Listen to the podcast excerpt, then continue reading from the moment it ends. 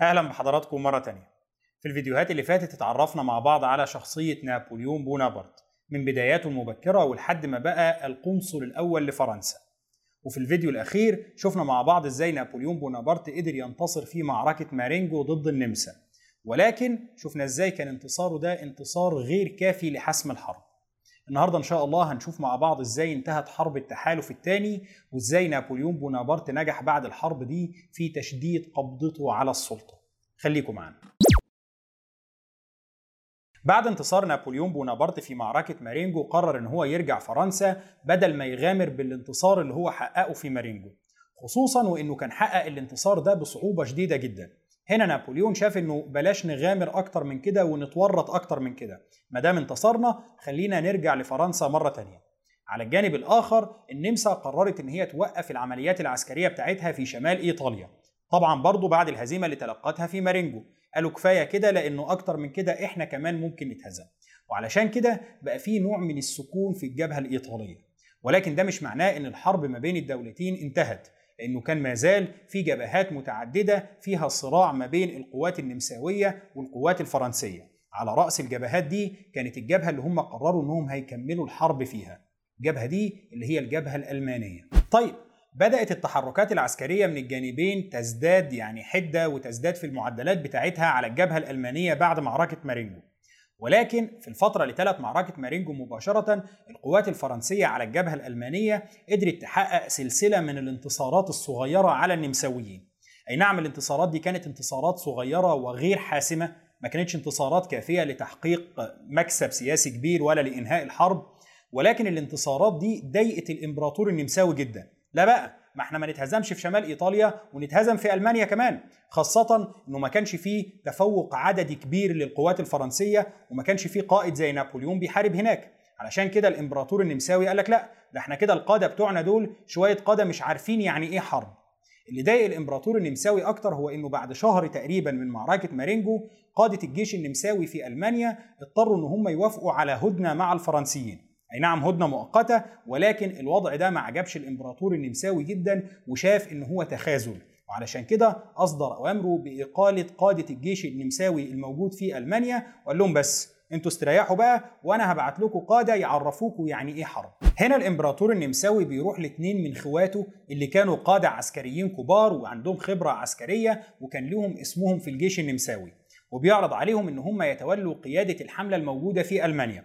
خلاص يا جماعة إحنا عايزين نبعت حد بقى يغير الوضع ده ويجيب لنا انتصار كبير.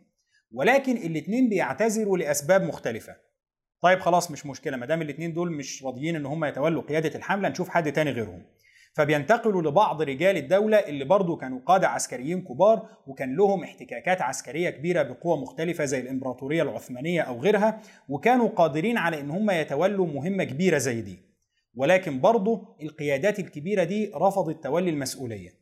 وهنا مستشار النمسا راح للإمبراطور وقال له خلاص يا فندم تاهت والإناهة إحنا دلوقتي عندنا مشكلة وما إحناش لاقيين حد يتولى قيادة الجيش الموجود في ألمانيا. أنا لقيت الشخص المناسب. مين الشخص المناسب ده؟ قال له الأرشيدوق جون أخو حضرتك الصغير. المشكلة إنه الأرشيدوق جون اللي كان المفترض إن هو هيتولى قيادة الحملة دي كان عمره في الوقت ده 18 سنة بس. طيب يا جماعة 18 سنة ده مش صغير؟ قال له عادي يا فندم إيه المشكلة؟ السن عمره ما كان عائق. وياما قاده عسكريين كبار كانوا صغيرين في السن. ده بالعكس ده السن ده هو اللي هيخليه متحمس ويحقق إنجازات. طيب والخبرة؟ يعني الخبرة دي هيجيبها منين وهو عنده 18 سنة؟ قال له بسيطة. نعين معاه مستشارين عسكريين عندهم خبرة كبيرة يدوا له رأيهم وينصحوه. وفي النهاية ده أخو سموك برضه. وبعدين الحقيقة الارشيدوق جون كان شاب شجاع ومتحمس وكان مهتم بالجوانب العسكرية. فبالتالي ده المكان المناسب اللي نقدر نحطه فيه. بعد شد وجذب الإمبراطور اقتنع. خلاص يلا يا جون يا حبيبي أنت اللي هتمسك قيادة الحملة بتاعتنا في ألمانيا. الفكرة إن الأرشيدوق جون نفسه ما كانش متحمس للفكرة. يا جماعة حملة إيه اللي أنتوا عايزين نمسكها؟ أنا بالراحة يعني واحدة واحدة. طيب مسكوني أبقى مساعد قائد الحملة مسكوني كتيبة في الحملة لكن مش همسك قيادة الحملة دي كلها مرة واحدة. لكن ولد عيب أنت اللي هتمسك قيادة الحملة دي قال لهم حاضر. قالوا له إحنا حاطين معاك اتنين ظباط من كبار الظباط في الجيش النمساوي من الناس اللي عندهم خبرة كبيرة جدا اسمع كلامهم بس وأنت هتبقى كويس. وفي النهاية أي انتصار هتحققه الحملة دي هيتنسب ليك. الأرشيدوق جون هو اللي انتصر على الفرنسيين. يلا توكل على الله وأنت هتبقى كويس إن شاء الله. وبالفعل في شهر سبتمبر سنة 1800 بيتم تعيين القيادة الجديدة وبيتولى الأرشيدوك جون قيادة الحملة النمساوية في ألمانيا ضد الجيوش الفرنسية وهو عمره 18 سنة بس. القيادة الجديدة أخذت حوالي شهرين علشان تدرس أرض المعركة وحالة الجنود وتحط خطة تقدر تحارب بيها الفرنسيين. وبالفعل في شهر نوفمبر سنة 1800 بدأت تحركات النمساويين علشان يهاجموا الفرنسيين. أول اشتباك كبير ما بين الجيشين حصل يوم 1 ديسمبر سنة 1800 في معركة اسمها معركة أمفنج في المعركة دي الجيشين حاربوا بعض بمنتهى الضراوة. الأرشيدوك جون نفسه أبدى شجاعة كبيرة جدا في القتال وأبدى بسالة حفزت الجنود بتوعه. في نهاية المعركة كانت الخسائر في الجانب النمساوي أكبر منها في الجانب الفرنسي. ولكن المحصلة النهائية للمعركة دي كانت إنه النمساويين رغم إنهم تكبدوا خسائر كبيرة جدا أجبروا الفرنسيين على الانسحاب. الجيش الفرنسي في النهاية لقى نفسه مضطر إن هو ينسحب من أرض المعركة. وهنا الشجاعة أخذت النمساويين والحماسه تملكت منهم وقال لك بس إحنا قدرنا ننتصر على الفرنسيين لأول مرة. القيادة الجديدة فعلا واضح إن هي عندها من الشجاعة والمقدرة العسكرية ما يكفي إن إحنا نحطم الجيش الفرنسي. طيب هنعمل إيه بقى يا أرشيدوق جون؟ إحنا خلاص انتصرنا على الفرنسيين في المعركة دي. إيه الخطوة اللي بعد كده؟ هنا بدأ يظهر خلاف ما بين القادة العسكريين بتوع النمسا. بعض القادة دول كان بينصح بالحذر. خدوا الموضوع ببساطة يا جماعة واحدة واحدة ونحاول نتقدم ببطء ونتأكد من خطواتنا كويس. خصوصا ان الانتصار اللي إحنا حققناه ده مش انتصار ضخم قوي يعني إحنا ما حطمناش الجيش الفرنسي. إحنا آه أجبرناه على التراجع لكن الجيش الفرنسي ما زال محتفظ بقوته فبالراحة. ولكن في قادة تانيين في الجيش النمساوي كان رأيهم مختلف. إحنا لازم نستغل الانتصار ده ودلوقتي الفرنسيين بيتقهقروا بينسحبوا. مادام هم بينسحبوا خلينا نطارد الجيش بتاعهم بمنتهى القوة بحيث إن إحنا ننهك الجيش ده ونجبره على خوض معركة في أرض مش من اختياره. بدل ما يروح لمنطقة تانية يتحصن فيها ويتمركز ويقدر يدافع عنها لا إحنا خلينا نلقطه وهو في الطريق منهك ولسه ما استقرش. بعد شد وجذب ما بين الرأيين كان خلاص نشوة الانتصار حسمت الموقف. لا صوت يعلو فوق صوت المعركة. يلا بينا إحنا دلوقتي لم يا ابني كل الجنود دول ويلا نطارد الفرنسيين بمنتهى السرعة. إحنا لازم نعزز الانتصار بتاعنا ده بانتصار تاني نسحق فيه الجيش الفرنسي. وعلشان كده الجيش النمساوي بيتحرك بمنتهى السرعة علشان يطارد الفرنسيين. بعد يومين من المطاردة المستمرة الجيش النمساوي بيوصل بالقرب من مدينة اسمها هوهن لايندن مدينة هوهن لايندن قريبة جدا من مدينة ميونخ. أول النمساويين ما بيوصلوا هناك بيلاقوا إن هم مضطرين علشان يكملوا مطاردة للجيش الفرنسي إنهم يعبروا غابة.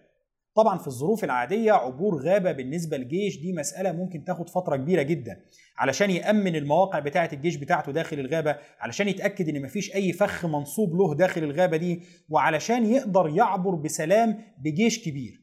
ولكن في حالة الجيش النمساوي الشاب قليل الخبرة واللي ما عندوش خبرات عسكرية كبيرة كان متخيل إن الحرب هي إنه الجيشين يقفوا قصاد بعض ويحاربوا بعض. أما موضوع إن حد ينصب له فخ أو حد يستناه في غابة لا يستنونا في غابة مين؟ ده إحنا لسه هازمينهم ده هم بيجروا دلوقتي. طيب يعني هنعبر الغابة دي إزاي؟ قال لك إحنا اللي يهمنا عامل السرعة. في الأوقات العادية آه إحنا لازم نأمن الغابة كويس قبل ما نعبر أو حتى ممكن ناخد طريق خارج الغابة حتى ولو الطريق ده كان طويل حتى لو هياخد أيام على ما نعبره. بس المهم إن الجيش يكون متأمن ومش ماشي في منطقة هو مش عارف الأبعاد بتاعتها عاملة إزاي. لكن في حالتنا هنا الجيش النمساوي قرر إن هو يعبر الغابة مباشرة. مش بس كده ولكن عبور الغابة بالنسبة للجيش النمساوي حصل على أربع أقسام. الجيش النمساوي انقسم لأربع أقسام منفصلة وكل قسم منهم كان بيعبر الغابة من مكان. أول ما الجيش النمساوي بيعبر الغابة دي بيلاقي الجيش الفرنسي منتظر الناحية الثانية متمركز وناصب المدفعية بتاعته. وبمجرد عبورهم بيبدأ الاشتباك. القتال بيبدأ والجيش النمساوي منقسم لأربع أقسام مختلفة. وطبعا الجيش الفرنسي كان مستعد لمواجهته. وعلشان كده بعد بدء القتال بفترة بسيطة الجيش الفرنسي بقيادة الجنرال مورو بيقدر إن هو يعزل أقسام الجيش النمساوي المنفصلة عن بعضها يطوقها تماما ويحطم الأقسام دي. المعركة اللي بتحصل يوم 3 ديسمبر سنة 1800 والمعروفة باسم معركة هوهن لايندن بتكون معركة حاسمة. مش بس على الجبهة الألمانية ولكن بتكون معركة حاسمة في حرب التحالف الثاني ككل. بعد المعركة دي الهزيمة اللي بتتلقاها النمسا بتكون كافية إن النمسا تقرر الانسحاب من الحرب. خلاص إحنا بعد الهزيمة دي مش هينفع نكمل حرب. وبخروج النمسا من حرب التحالف الثاني بيكون فعليا ما بقاش في حاجة اسمها تحالف تاني. بعد المعركة دي مباشرة النمسا بتقرر إن هي تدخل في مفاوضات مع فرنسا لإنهاء الحرب. المفاوضات دي بتستمر شهرين وفي شهر فبراير سنة 1801 بيتم توقيع اتفاق ما بين الدولتين اسمه اتفاق لونيفيل اتفاق لونيفيل بيكون هو اتفاق السلام ما بين الدولتين اللي بينهي الحرب وبتخرج بموجبه النمسا من التحالف الثاني ضد فرنسا. في اتفاقية لونيفيل النمسا بتؤكد على نفس البنود اللي كانت وافقت عليها في اتفاقية كامبو فورميو اللي كانت وقعتها مع فرنسا سنة 1797 واللي كانت أنهت حرب التحالف الأول ما بين الدولتين. بالإضافة لكده النمسا بتؤكد على احترامها للجمهوريات الشقيقة اللي كانت الثورة الفرنسية أقامتها أو الجمهورية الفرنسية أقامتها في ألمانيا وفي إيطاليا. النمسا كمان بتؤكد على موافقتها على ضم دوقية توسكانيا الموجودة حاليا في إيطاليا إلى فرنسا.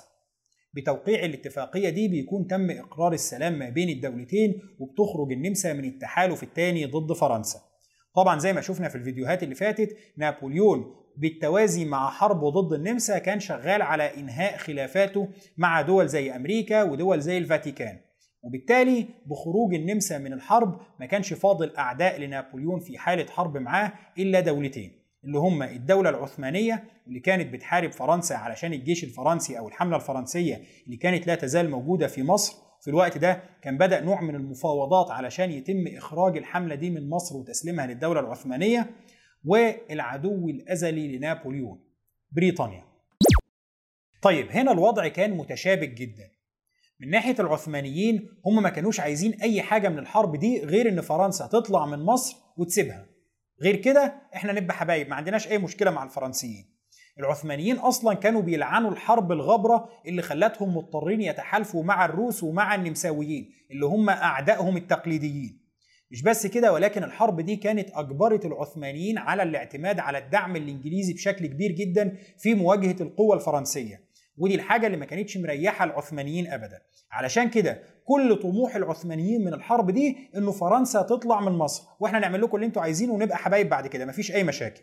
على الجانب الآخر الفرنسيين كانوا خلاص يأسوا من فكرة إقامة مستعمرة في مصر. موضوع إن مصر تبقى قاعدة تابعة لفرنسا ومستعمرة تابعة ليها دي خلاص الفرنسيين كانوا عرفوا إن هي مستحيلة. ولكن كل اللي الفرنسيين كانوا بيحاولوا يعملوه عن طريق الحملة الفرنسية الموجودة في مصر في الوقت ده هي إنهم يحسنوا شروط التفاوض. الفرنسيين عندهم جيش محبوس في مصر عايزين يرجعوا الجيش ده لفرنسا. ولكن عايزين يرجعوا الجيش ده بنوع من الكرامة أو ببعض المكاسب بدل ما يرجعوا كأسرى حرب. أو بدل ما يتاخدوا اسرى وبعد كده يتفاوضوا مع فرنسا على تحريرهم. علشان كده الحملة الفرنسية في مصر كانت بتحاول تحارب تدافع ولكن في النهاية كان كل اللي هي بتحاول تعمله إن هي تبدي بعض الثبات علشان تحسن من موقفها في التفاوض. على الجانب البريطاني الإنجليز كانوا بيدعموا العثمانيين بمنتهى القوة. ليه؟ لأن انتصار العثمانيين ومعاهم الإنجليز على الفرنسيين في مصر كان هيمثل ضربة قوية جدا لفرنسا. خلاص الجيش بتاعكم اللي كان في الشرق اتهزم. ويا سلام لو أخذناهم أسرى وبدأنا نتفاوض مع الفرنسيين على تحرير الأسرى دول. ولكن في الوقت نفسه الإنجليز بدأوا يفكروا في إقرار سلام مع فرنسا خصوصا بعد هزيمة كل حلفائهم. مش بس هزيمة حلفائهم هي اللي أجبرتهم على التفكير في السلام ولكن كمان تغير الظروف السياسية في أوروبا. زي ما شفنا روسيا بعد خروجها من التحالف الثاني ضد فرنسا بدأت تدخل في صدامات مع بريطانيا. حتى بعد انتصار بريطانيا على الأسطول الدنماركي ويعني وقت فكرة تكوين عصبة الحياد المسلح كانت لا تزال روسيا مصممة على الصدام مع بريطانيا. وهنا بريطانيا لقت إن الوضع ده ما ينفعش نسيبه يستمر. ما ينفعش يبقى نبقى في حالة حرب مفتوحة مع عدو زي فرنسا وفي نفس الوقت نستعدي على نفسنا دولة زي روسيا كمان. اللي هيحصل في الحالة دي هي إن روسيا ممكن تتحالف مع فرنسا ضدنا وبريطانيا ما كانتش مستعدة إن هي تقبل بالوضع ده. وعلشان كده بريطانيا بدأت تفكر جديا في إنه نعمل سلام مع فرنسا ونوقف الحرب دي قبل ما تقلب بحرب كبيرة إحنا مش قدها. وبالتالي اللي حصل إنه بمجرد هزيمة النمسا وتوقيع اتفاقية لونيفيل ما بين النمسا وفرنسا بدأت مفاوضات ما بين بريطانيا وفرنسا علشان يشوفوا إزاي ممكن إقرار سلام ما بين الدولتين. في نفس الوقت اللي بدأت فيه المفاوضات ما بين الدولتين كانت الجيوش الإنجليزية بتحارب جنبا إلى جنب مع الجيوش العثمانية ضد الوجود الفرنسي في مصر. المفاوضات مستمرة في لندن وفي باريس بينما الحرب مشتعلة في مصر. في بداية شهر سبتمبر سنة 1801 القوات الإنجليزية والقوات العثمانية بينجحوا في هزيمة القوات الفرنسية الموجودة في مصر وبيستسلم لهم الجنود الفرنسيين بقيادة الجنرال مينو. شروط الاستسلام بتاعة الفرنسيين كانت بتنص على أنه القوات الفرنسية سترحل عن مصر بأسلحتها الشخصية فقط. أي شيء آخر كان معاهم ده خلاص هيبقى غنائم للعثمانيين والإنجليز. طبعا الإنجليز هم اللي بياخدوا القدر الأكبر من الغنائم اللي تركها الفرنسيين في مصر. وعلى رأس الغنائم اللي هم بيحصلوا عليها كانت الآثار اللي جمعها الفرنسيين أثناء وجودهم في مصر. وعلشان كده النهاردة حجر رشيد موجود في المتحف البريطاني. بالرغم من إن اللي اكتشفوا كانوا هم الفرنسيين. طبعا العثمانيين ما كانوش معترضين على إن الإنجليز ياخدوا الآثار دي. من ناحية لأنه لولا الدعم الإنجليزي للعثمانيين ما كانش العثمانيين هيقدروا ينتصروا ابدا على الفرنسيين. فيعني ما دام الإنجليز ساعدوهم اللي أنتوا عايزينه خدوه. ومن ناحية تانية لأنه العثمانيين ما كانوش فاهمين أصلا هو الخناقة دي كلها على إيه. يعني أنتوا عاجبكم الحجر ده؟ خلاص يا جماعة لو عاجبكم الحجر ده خدوه مش مشكلة. في النهاية الجنود الفرنسيين اللي كانوا موجودين في مصر بيتم ترحيلهم عن مصر بواسطة السفن الإنجليزية وبرحيلهم عن مصر خلاص بتنتهي المشكلة اللي كانت قائمة ما بين الدولة العثمانية وما بين فرنسا وبيكون الطريق ممهد لإقرار سلام ما بين الدولتين. بمجرد حسم الوضع في مصر بمجرد رحيل القوات الفرنسية عن مصر الوضع في التفاوض ما بين بريطانيا وما بين فرنسا بيصبح أسهل بكتير جدا. وجود القوات الفرنسية في مصر وضغط الإنجليز عليها كان بيمثل ورقة ضاغطة في إيد الدولتين.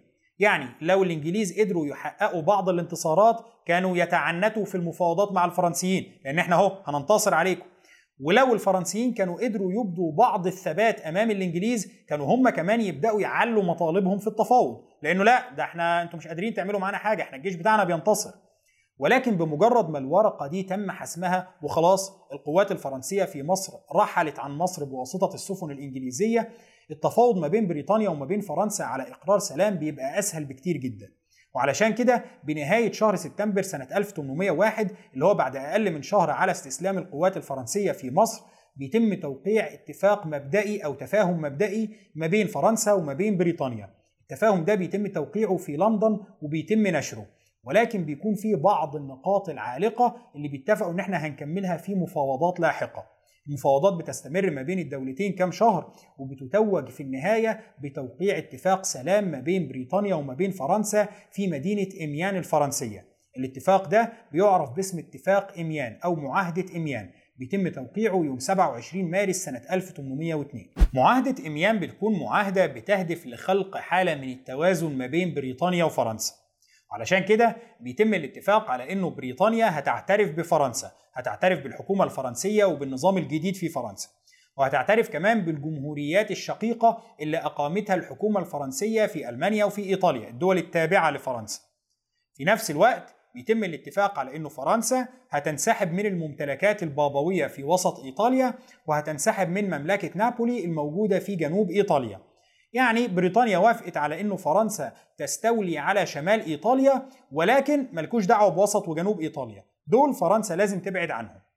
على الجانب الآخر بيتم الاتفاق على إنه بريطانيا سترحل عن مصر. الجيش البريطاني دخل مصر علشان يساعد العثمانيين على إنهم يطردوا الفرنسيين منها. طيب خلاص الفرنسيين بالفعل مشيوا من مصر.